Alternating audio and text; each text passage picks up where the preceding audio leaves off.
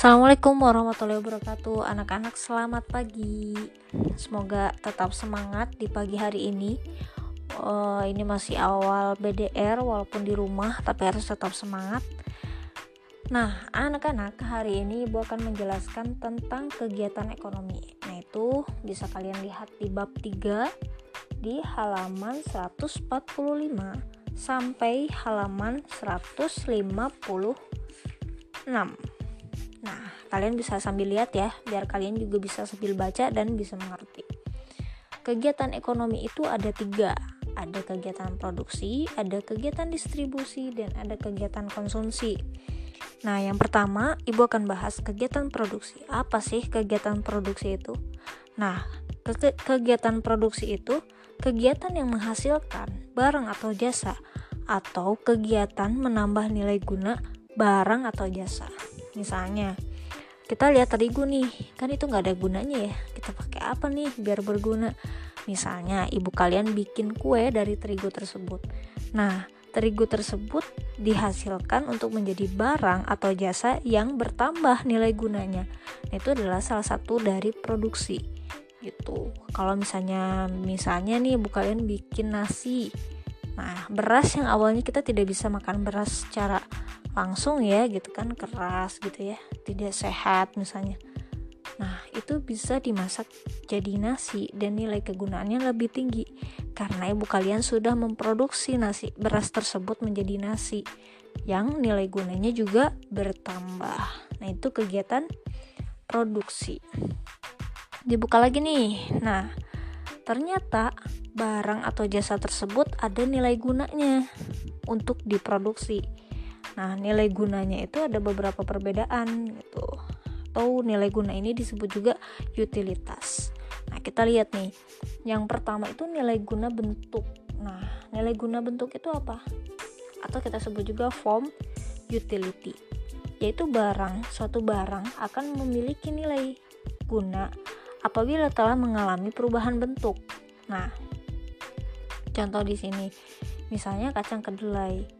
Kita kadang nggak suka ya kalau makan langsung kacang kedelai gitu ya.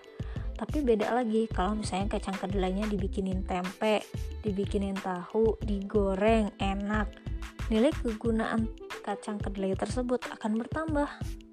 Atau misalnya susu kedelai atau misalnya dibikin apa gitu ya itu nilai kegunaannya akan bertambah gitu.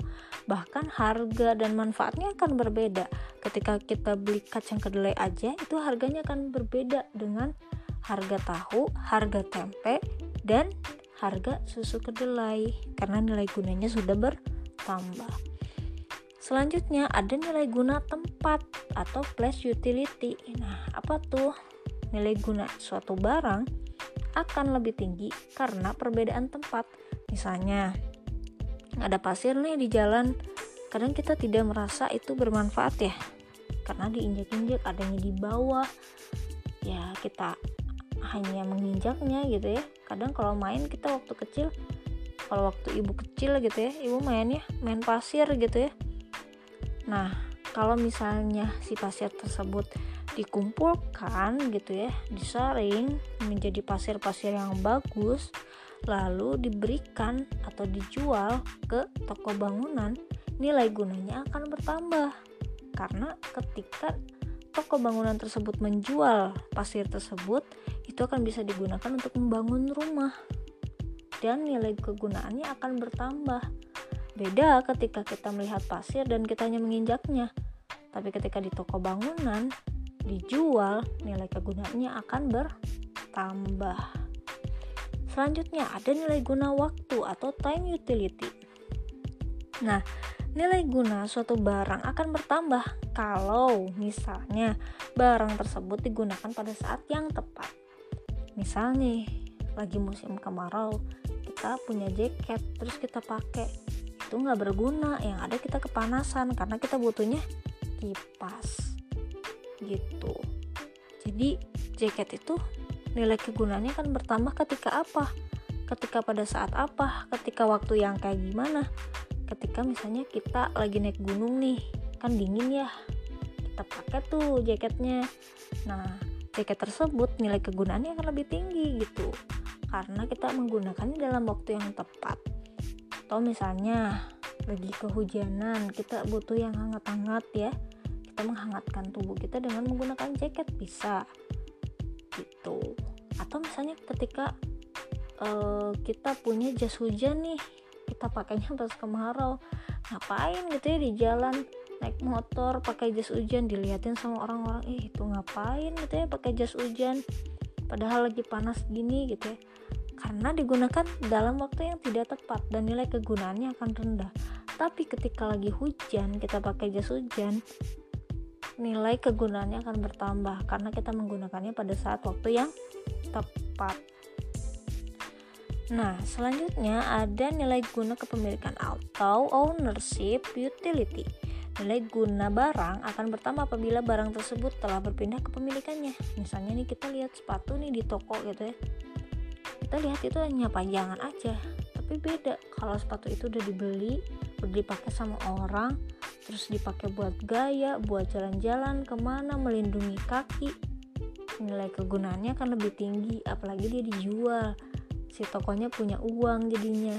Nah nilai kegunaannya akan bertambah gitu ya. Beda dengan ketika hanya dipajang dan jadi pajangan saja gitu. Itu beda ya. Nah selanjutnya untuk melakukan sebuah produksi seorang produsen. Nah ini bedakan ya. Jadi produksi itu kegiatannya. Nah si pelaku produksinya itu namanya produsen produsen itu harus mem memperhatikan tiga hal. Yang pertama what? Barang-barang apa saja sih? Tahu kan ya what apa? What itu artinya apa? Nah barang-barang apa saja sih yang akan dihasilkan dan bahan-bahannya itu apa saja? Nah ini bertujuan untuk mengetahui nih tujuan dari kita memproduksi barang tersebut mau apa gitu ya. Misalnya kita mau bikin sepatu gitu ya ya pikirkan dulu nih apa bahannya gitu ya. Apa yang mau kita buat gitu ya. Nah selanjutnya ada how nih. Ketika kita sudah tahu nih oh apa nih? Kita mau bikin apa? Oh kita mau bikin sepatu kita mau bikin kue nih. Nah bagaimana cara membuatnya? Bagaimana nih faktor-faktor produksinya gitu? Bagaimana untuk memproduksi barang yang harus dipikirkan oleh seorang produsen tuh harus seperti apa sih? Kita harus ngapain nih gitu kan? Cara memproduksinya. Nah gimana nih caranya biar harganya bagus gitu ya? Biar kualitasnya bagus harganya juga lumayan gitu ya? Bikin untung dan sebagainya. Itu harus dipikirkan. Nah yang terakhir whom atau siapa? Kepada siapa barang produksi ini akan kita jual? Kan kita distribusikan? Nah itu seorang produsen ya. Jadi kalau kalian mau bisnis kalian pikirkan dulu nih apa nih yang kalian buat terus bahan-bahannya kayak gimana terus bagaimana cara membuatnya dan kalian harus memikirkan kira-kira barang ini mau dijual ke siapa nih? Nah itu salah satu kegiatan produksi. Kalian harus memperhatikan tiga hal tersebut. Ini sangat berguna kalau kalian membisnis ya. Gitu.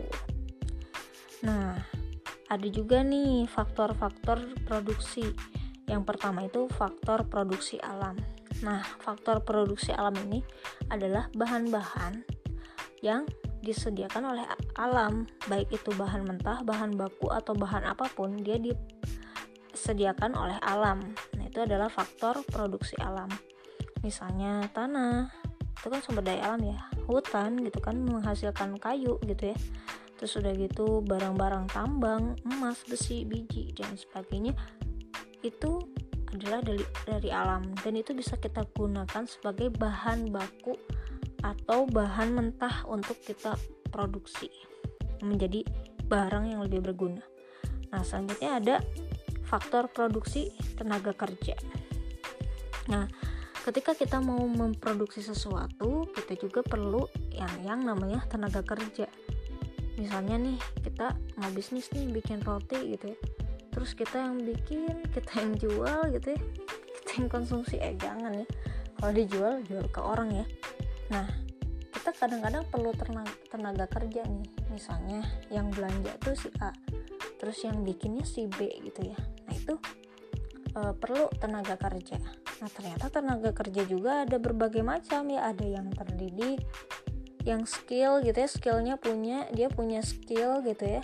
Misalnya dia lulusan SMK tata boga dia punya skill. Atau misalnya yang terlatih ketika dia misalnya sudah sering bekerja. Misalnya jadi montir jadi sopir terus misalnya penjahit karena sudah sering karena terlatih gitu ya tenaga kerjanya. Jadi dia punya skill yang terlatih. Nah ada juga yang tidak terdidik atau tidak terlatih nah ini dia tidak punya keterampilan gitu. Misalnya tukang sapu. Kan kalau tukang sapu tukang sampah dia nggak perlu punya keterampilan juga semua orang bisa gitu ya nyapu sama buang sampah. Nah ada faktor produksi modal gitu ya. Nah jadi kalau misalnya kita mau memproduk kalau kita mau memproduksi barang gitu kita harus punya modalnya. Salah satu faktornya adalah kita harus punya modalnya. Karena nggak bisa kan kita misalnya oke okay lah dari alam kita punya sesuatu yang bisa kita ambil buat jadi bahan tapi nggak mungkin juga kita ambil dengan percuma gitu. Maksudnya dengan cuma-cuma kita ambil tet ambil gitu ya nggak bisa. Kita kadang-kadang harus beli bahan baku tersebut walaupun disediakan oleh alam gitu kan toh yang menjual juga mungkin dia menanam dulu dan sebagainya gitu ya. Nah salah satunya adalah kita perlu modal. Setiap yang mau berbisnis setiap yang mau memproduksi dia harus punya modal dulu nih buat bisa membeli si bahan bakunya gitu.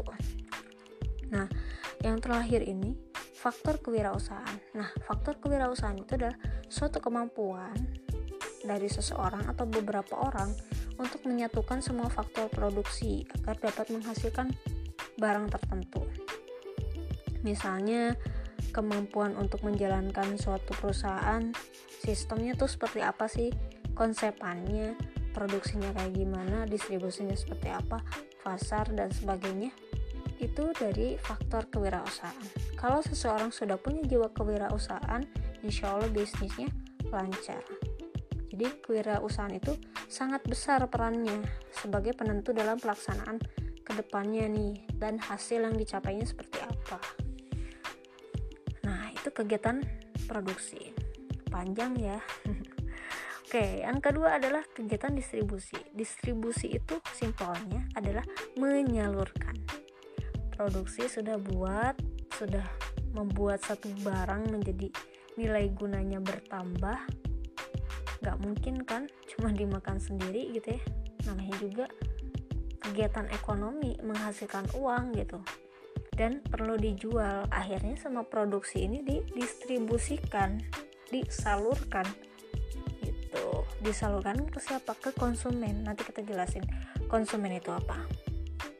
Nah Tujuan dari distribusi itu adalah tadi menyalurkan barang dari produsen pada konsumen, lalu agar hasil barang produksi lebih berguna bagi masyarakat. Jadi jangan dimakan sendiri gitu ya, itu mah rugi gitu ya. Sampai bikin buat diri sendiri itu mah namanya bukan kegiatan ekonomi ya, hanya memenuhi kebutuhan kita aja. Misalnya kita lapar bikin nasi goreng, selesai aja itu emang kegiatan produksi gitu ya, tapi tidak didistribusikan Nah, selanjutnya kebutuhan masyarakat akan barang atau jasa terpenuhi. Karena tadi ya, minggu kemarin bos sudah jelaskan tentang kebutuhan manusia. Nah, caranya agar bisa terpenuhi gitu ya, salah satunya adalah dengan kegiatan distribusi ini. Nah, selanjutnya adalah agar kontinuitas produksi terjamin. Jadi, ketika barang diproduksi, agar ada keberlanjutan, agar terus-menerus diproduksi butuh distribusi untuk dijual. Jadi barang yang diproduksi habis dibikin lagi, habis dibikin lagi. Tuh ya. Nah, ternyata ada cara juga nih distribusi kepada konsumen tuh ada caranya. Yang pertama ada distribusi secara langsung. Nah, distribusi barang atau jasa ini tanpa melalui perantara sehingga penyalurannya langsung dari produsen ke konsumen kayak gitu. Misalnya nih e, tukang sate ya dia bikin satenya kan dia bikin dulu sendiri. Dia potong-potongin dia bumbunya bikin sendiri. Dia yang bikin dia yang distribusikan kepada konsumen. Itu adalah salah satu distribusi secara langsung. Atau misalnya tukang martabak ya dia bikin martabak adonan dan sebagainya. Dia yang produksi dia yang mendistribusikan ke konsumen selanjutnya ada distribusi semi langsung Nah, sistem distribusi ini dari produsen pada konsumen melalui perdagangan, melalui pedagang perantara yang merupakan bagian dari produsen. Jadi, lewat pedagang ya. Contoh misalnya nih, pabrik baju ya. Nah, dia kan bikin kainnya. Dia beli bahan kainnya, dia bikin jadi baju yang bagus gitu kan ya. Nah, terus dia kirimkan nih ke para pedagang nih. Misalnya eh, ibu-ibu penjual baju di pasar misalnya ya. Atau misalnya di BIP ya atau Ciwok misalnya teh ya mall gitu ya. Nah itu mereka nggak memproduksi tapi mereka adalah salah satu dari kegiatan distribusi. Mereka ambil dari produksi lalu mereka salurkan kepada konsumen tapi penyalurannya juga penyaluran yang khusus gitu ya. Yang memang misalnya e, berkaitan dengan mitra kerja gitu ya bekerja sama gitu ya itu adalah distribusi semi langsung. Nah ada juga distribusi tidak langsung. Ini sistem distribusinya itu dari produsen kepada konsumen melalui agen grosir atau pedagang kecil yang bertindak sebagai pedagang perantara misalnya nih uh, ibu kalian ada yang warung nih misalnya. Nah ibu kalian kan beli beli bahan beli beli barang yang buat dijual ya. Misalnya beli ciki gitu ya beli kopi gitu ya. Belinya ke mana nih? Kadang-kadang ke grosir atau misalnya ke pasar yang jualnya lebih murah daripada harga jual. Nah itu adalah distribusi tidak langsung gitu ya. Jadi eh, bahan produksinya atau barang produksinya disalurkannya melalui pedagang melalui grosir gitu ya kepada konsumen. Jadi nggak langsung gitu ya si produksi ini si yang memproduksi ini nggak langsung menyalurkan kepada konsumen. Nah itu distribusi. Kalau misalnya kegiatan konsumsi itu apa sih?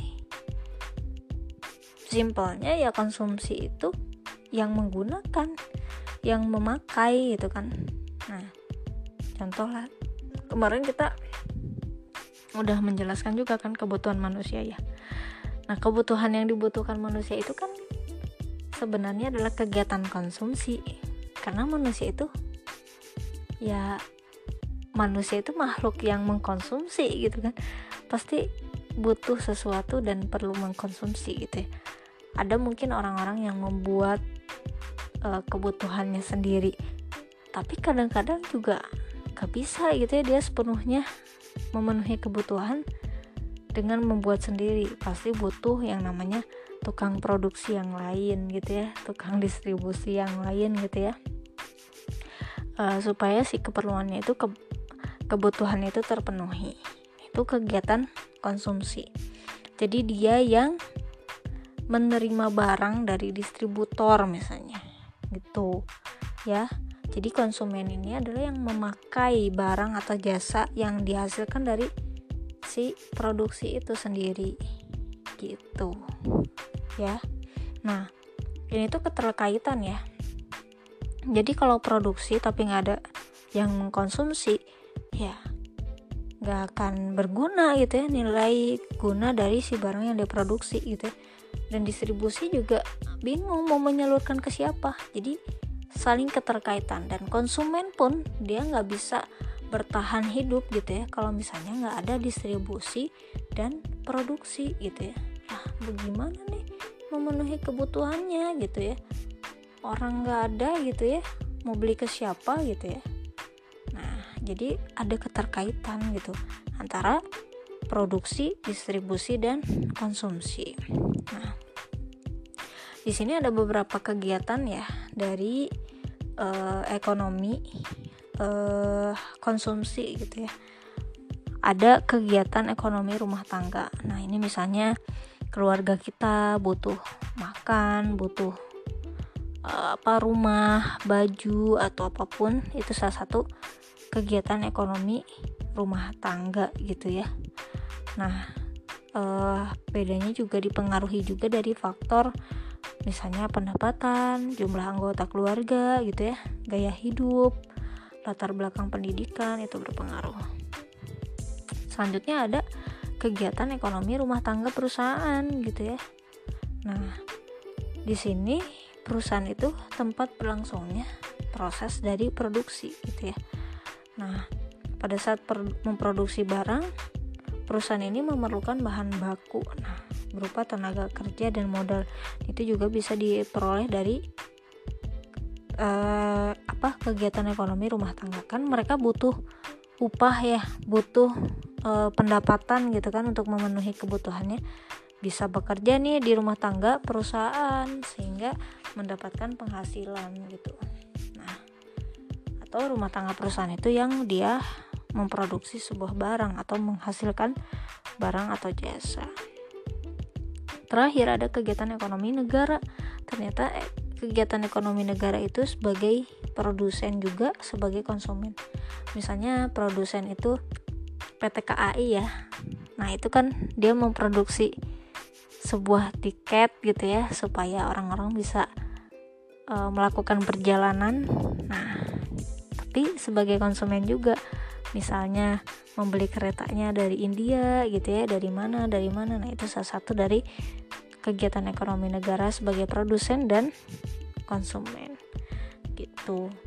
Nah, negara juga yang melayani gitu ya atau memenuhi kebutuhan masyarakat gitu. Nah, kalau misalnya negara nggak beli kereta gitu ya, gimana nih masyarakatnya yang butuh mudik gitu ya? Itu gimana nih itu kan? Makanya konsumen juga eh, menjadi konsumen juga untuk memenuhi kebutuhan uh, masyarakatnya. Jadi bedakan ya kegiatan produksi, distribusi dan konsumsi.